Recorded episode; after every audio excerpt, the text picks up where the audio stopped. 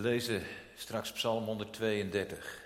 Uh, dat is een van een vijftiental psalmen waar het kopje boven staat in, in onze vertalingen pelgrimslied of bedevaartslied. In het Hebreeuws staat daar lied van de opgang, lied van het opgaan. Er zijn uh, wel gedachten geweest dat dat liederen waren die de levieten zongen als ze vijftien stappen naar de tempel opliepen, op een trap daar naartoe. Ik denk dat het waarschijnlijker is dat liederen zijn gezongen op pelgrimsreizen. Vanuit de ballingschap terug naar Jeruzalem. Ze zijn gezongen door, nou ook door Jezus toen hij met Jozef en Maria als twaalfjarig jongetje naar de tempel ging. Ze zullen gezongen zijn toen Jezus die laatste tocht naar Jeruzalem maakte met zijn leerlingen. Het zal misschien niet allemaal even mooi geklonken hebben, maar het zijn liederen die je stapsgewijs voeren naar een plek waar God wil wonen. Tempel, de berg Sion. En deze psalm, psalm 132, staat daar een beetje tussen als een, als een bevestiging van dat God daar wil wonen. Er zitten terugblikken in naar verhalen uit Samuel. En het lijkt misschien allemaal wat ver van ons af te staan, omdat het gaat over een tempel, over een koningshuis van David. Maar laat maar eens kijken of het verhaal dichtbij wil komen. Het verhaal wat in dit lied bezongen wordt. We lezen Psalm 132.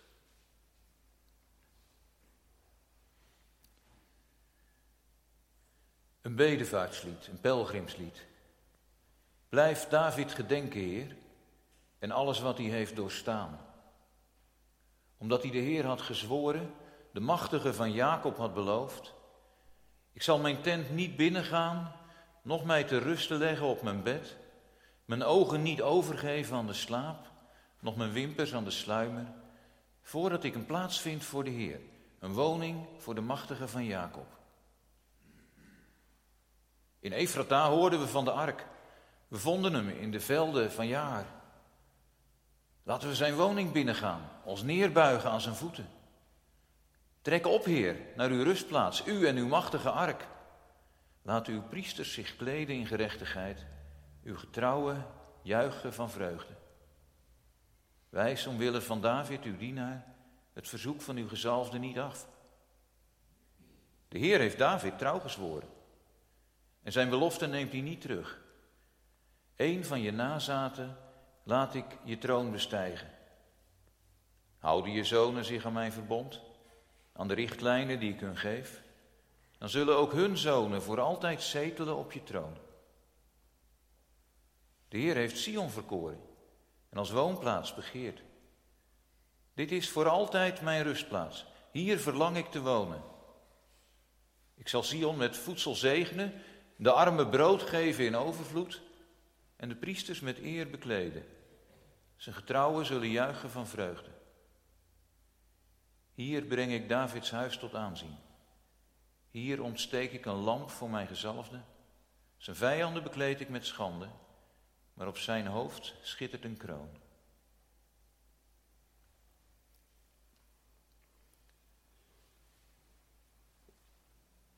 Het is een psalm die gezongen wordt wanneer je gaat naar die tempel,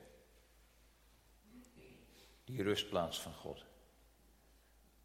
Het is ook een psalm die eeuwenlang gezongen is op een moment dat daar geen koning uit het huis van David op de troon zat. Het is dus best een spannende psalm. Er staat een belofte in waarvan je je af gaat vragen van, klopt het allemaal nog wel? En alleen al in die zin komt deze psalm denk ik dichterbij. Omdat wij ook momenten in ons leven hebben dat we denken, ja maar ik had toch het idee dat het, dat het anders was, dat er iets anders beloofd was. En hoe werkt het nu? En in die zin is het alleen al goed om eens naar deze psalm te kijken. Wat, wat gebeurt er?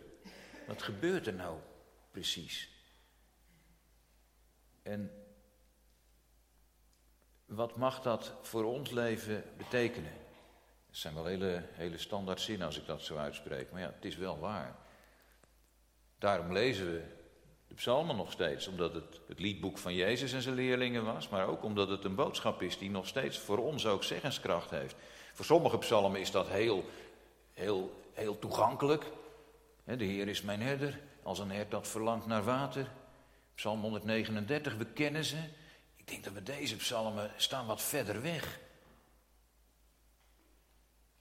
Goed, laten we er eens naar gaan kijken. Hoe zit het in elkaar, deze psalm? Ik heb daar een, eh, omdat ik dit ook voor de kringenvlog uh, van de Psalmen Challenge heb behandeld, heb ik daar een, een, schemaatje van gemaakt. Misschien dat het even in beeld, ja, is niet te lezen, hè? maar de kleurtjes zijn wel te zien. als je deze psalm leest, dan zijn het eigenlijk twee, twee delen die, ja, je noemt dat symmetrisch, die heel erg op elkaar lijken. Twee delen, ingeleid steeds door een gebed van denk aan David, denk aan David en alles wat hij getopt heeft in zijn leven. Denk aan David en uw gezalfde. Is dat David of is dat het huis van David? Is dat de Messias? Het woord dat daar in het Hebreeuws staat is natuurlijk gewoon Messias. Twee delen, ingeleid door dat gebed. Twee beloften ook. De eerste, dat is dat groene stukje. Dat is een belofte van David, daar klinkt de stem van David. Ik ga niet slapen, ik, ik neem geen rust. Nou, als het nou gaat over, over werkstress, dan, uh, dan hebben we hier een, een goede bij David. Ik doe geen oog dicht als ik, niet, als ik, David, niet een rustplek heb gevonden, een plek waar God kan wonen. En dan in de tweede helft, daar horen we een belofte van God. Dat is die rode tekst. God heeft de meeste teksten in deze psalm. En die zegt, nou, weet je, laten we eerst eens gaan bouwen niet aan een huis voor mij, maar aan jouw koningshuis. Zullen we dat eerst eens gaan doen? Ik heb jou op de troon gezet en ik wil gaan bouwen aan jouw huis. Maar ja, dan moeten die zonen en kleinzonen en achterachterkleinzonen zich wel houden aan de afspraken, aan het verbond. Openstaan voor wat ik ze wil leren. Een belofte van David over Gods huis. Een belofte van God over het koningshuis. Staan ook, als je er goed naar kijkt, dat, dat moet je niet willen als het zo klein in, in beeld is natuurlijk, maar er staan ook allemaal woorden in die terugkomen. Dat woord verblijfplaats, dat komt op zoveel plekken terug. Een plek waar je niet even op visite komt, maar waar je wil wonen. En er staat een, een, zin die vrijwel hetzelfde is in beide, eh, beide kolommen. Die zin over die priesters en over ja, getrouwen. Wat is het? Het woord is chassidim. Dat is later een bepaalde stroming binnen het Jodendom, is, is zo genoemd. Maar het is breder. In het algemeen wordt gedacht dat dat gewoon iedereen is die loyaal is aan God, die vertrouwt op God, die staat te juichen. Maar die priesters zit een interessant verschil. Daar wil ik straks nog even op terugkomen. Als het volk van de volgelingen van David zingen over laten we die, die ark gaan halen. Je kunt het verhaal lezen in, in 2 Samuel 6 en 7. Laten we hem op gaan halen uit de plek waar hij is achtergebleven nadat de Filistijnen hem hebben teruggebracht. En laten we hem naar Jeruzalem brengen. Dan is de vraag van laten de priesters bekleed zijn met recht. Laten ze als rechters optreden. En als God dan spreekt, dan zegt hij laten die priesters, die zullen bekleed zijn met heil. Het, het, het, woord wordt door de MBV in mijn ogen wat ongemakkelijk vertaald met, eh, alsof het iets met overwinning te maken heeft, maar het heeft te maken met heling. Laten die priesters heel maken, heel maken wat, wat kapot is. Zo ziet die psalm in elkaar. Haal hem maar uh, eruit. Nou ja, uit beeld. Zo zit die psalm in elkaar. En wat levert ons dat nou op door er zo naar te kijken? Nou, toch dat verschil, denk ik, tussen die belofte van David, die daar even staat te zeggen van ik ga wel een huis bouwen voor God. En God die zegt van nou laten we eerst eens even van jouw huis bouwen. En dan in tweede instantie zegt van nou, ik heb ervoor gekozen, ik de Heere God, ik wil in Jeruzalem wonen. God kiest zelf wel waar hij wil wonen. Dat lezen we ook in 2 Samuel. Als David bidt van Heer, ik eh, het plannetje heeft bedacht van ik ga een mooie tempel bouwen. Ja, ik woon zelf in een mooi paleis, maar ik wil voor God ook een mooi huis bouwen. Dan zegt de profeet tegen hem van, eh, eh God zegt van, heb ik ooit, terwijl ik met de Israëlieten rondtrok, tot een van de leiders gezegd van, waarom bouw je niet een huis voor me? Maak ik zelf wel uit. Ga jij niet doen. Gaat, gaat je zoon Salomo doen. God kiest zelf waar hij wil wonen. We lezen het ook in, in de profeet Jezaja. Jezaja 57, vers 15. Want zo zegt de hoge en verhevene, die in eeuwigheid troont en wiens naam de Heer is. In de hoge en in het heilige woon ik en bij de verbrijzelde en nederige van geest. Om de geest van de nederige en het hart van de verbrijzelde te doen opleven. Een lange zin, maar staat in feite, ja, God woont, nou laten we zeggen, in de hemel. Ik vond het wel grappig dat de kinderen het net niet eh, op gepaste wijze even stonden te stuiteren van uh, waar woont God dan? God woont in de hemel, maar hij woont ook in jouw hart. Op het moment dat jij kapot bent, erdoor zit. Op het moment dat jij beseft van ik red het zelf niet. Ik vind het een van de mooiste uitspraken uit Jezaja, als ik heel eerlijk mag zijn. Om twee redenen. Dat God inderdaad hoog en onbereikbaar is. Dat wij dat nooit kunnen, kunnen kapotmaken, vies kunnen maken. Het is buiten onze invloedssfeer. En dat is misschien maar wel zo veilig. En tegelijkertijd in ons hart. Op het moment dat wij erdoor zitten. Op het moment dat wij even weten van, van ons zal het niet afhangen. Dan woont God ook in ons. Zie hetzelfde bij Jezus als hij rondgaat. Hij kiest zelf wel bij wie hij binnen gaat. Als de mensen zeggen, nou, zeg, je gaat dan niet bij zo'n tollenaar naar binnen. Jezus zoiets van, daar trekt me niks van aan. Kies zelf wel bij wie ik wil wonen. Misschien hebben zijn leerlingen wel gemopperd toen hij bij een fariseer ging eten. Van, nou, dat zijn toch die rare lui die altijd tegen ons zijn en altijd, altijd problemen zoeken. Jezus maakt zelf wel uit. Armen, rijken, dat maakt niet uit.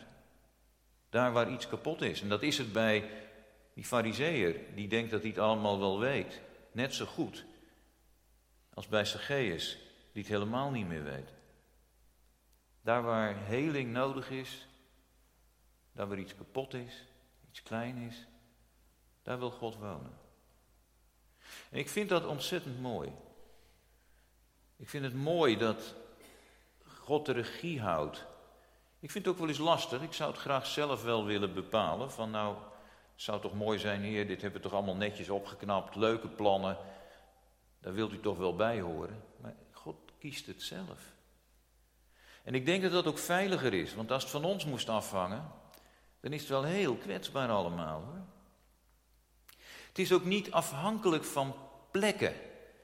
Dat wisten de Joden die deze liederen zongen maar al te goed. Want die tempel was op dat moment kapot of in opbouw. En een van de grootste crises van het, van het Jodendom is geweest toen Jeruzalem verwoest werd.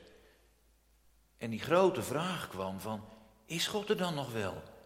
Is die ook in Babylon, als wij daar in ballingschap leven, of in een of ander dorpje waar we naar gedeporteerd zijn? Is die er nog wel als die tempel kapot is, als er geen koning meer is? En het antwoord wat, wat door de profeten steeds weer terugkomt is, ja natuurlijk. Je dacht toch zeker niet dat de God die hemel en aarde gemaakt heeft, dat hij afhankelijk is van een plek, van een stel stenen, van één plaatsje? Het enige wat God wil is die ruimte. Die ruimte in ons hart. Natuurlijk, het is belangrijk dat wij het mooi maken, dat we ons best doen. Maar het is een, een teken van eerbied achteraf en niet een voorwaarde vooraf. Het moment dat God zegt, hier wil ik wonen, hier in deze gemeente, in dit huis, in dit hart, dat is de voorwaarde. Of God bij ons wil wonen, hangt niet af van hoe mooi wij het maken. Het hangt af van ons verlangen om bij Hem te willen zijn. Ons verlangen dat Hij bij ons wil zijn. Dus het gaat er niet om dat we geweldige dingen doen, dat we sterk zijn en groot. Eerlijk gezegd maakt ons dat kwetsbaar voor de gedachte dat we het allemaal wel redden, dat we God er niet bij nodig hebben. Dat we eerst het huis klaar willen hebben en dan God komen uitnodigen van kom er nou maar eens binnen. Kijk eens hoe mooi we het hebben gemaakt. En dan loop je het risico dat God zegt van joh, daar zat ik helemaal niet op te wachten. Dat is niet wat ik nu vraag. Het is juist als wij er helemaal door zitten. Juist op dat soort momenten. Dat we heel bereikbaar zijn voor God. Als ons kamertje in ons hart één grote rommelboel is. Ik, sorry dat ik het vroeg aan de kinderen. Het zijn van die dingen die je eigenlijk niet moet vragen terwijl je een microfoon onder hun neus hebt. Op het moment dat het even allemaal door elkaar ligt, er ligt van alles, er spookt van alles door ons hoofd. Dat zijn de momenten dat God ernaar verlangt om bij ons binnen te komen. Als wij, ja, verbrijzeld is ook zo'n groot woord, maar als het kapot is in ons leven. Als we even ons heel klein voelen. Dat zijn de momenten. Momenten dat ik even totaal niet meer wist welke kant ik moest op gaan, welke keuzes ik nou eens een keer zou moeten maken.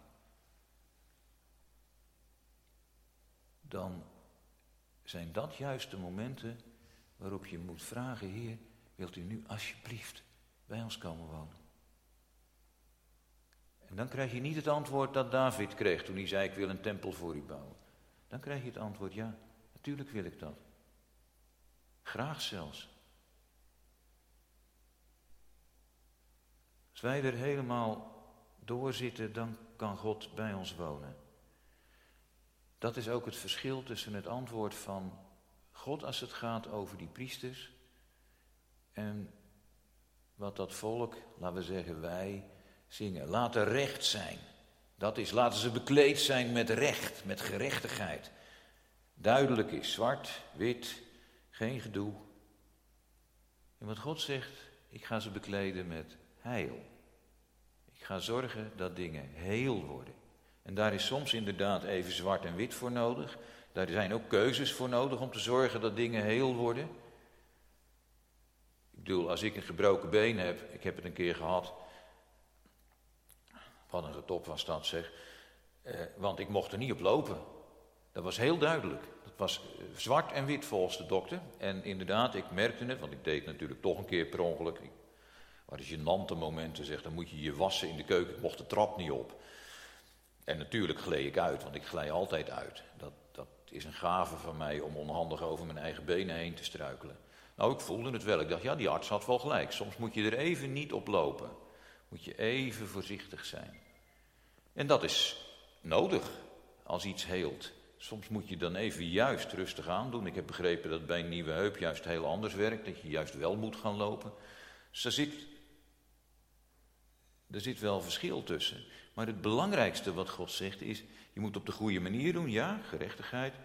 Maar ik wil het hele, ik wil dat het kapotte, het verbrijzelde, dat het weg is, dat het vernederde weer overeind komt. Het belangrijkste is dat verlangen. Het gaat er niet om dat wij het huis eerst op orde hebben en dat Jezus dan binnen kan komen.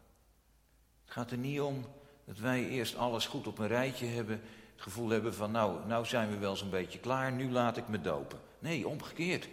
Juist op het moment dat je doorhebt van ik heb Jezus nodig, dat is het moment waarop je met hem onder kunt gaan en weer overeind kan komen. Niet vanwege dat ondergaan, want je voelt al klein genoeg, maar vanwege dat overeind komen. Zoals Zacchaeus weer rechtop staat. Als die vrouw bij de put ineens in beweging komt en de leven weer op een rijtje krijgt. begint bij dat moment dat wij dat verlangen voelen.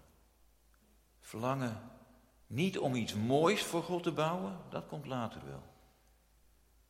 Maar het verlangen dat Hij bij ons komt. God kiest zelf wel waar Hij wil wonen. En die keuze is altijd bij mensen die naar Hem verlangen. Bij mensen die vragen, Wilt u bij me komen? En dan is Gods antwoord natuurlijk. Natuurlijk. Natuurlijk wil ik bij jou komen. Maar laat het toe. Mag ik bij jou? Amen.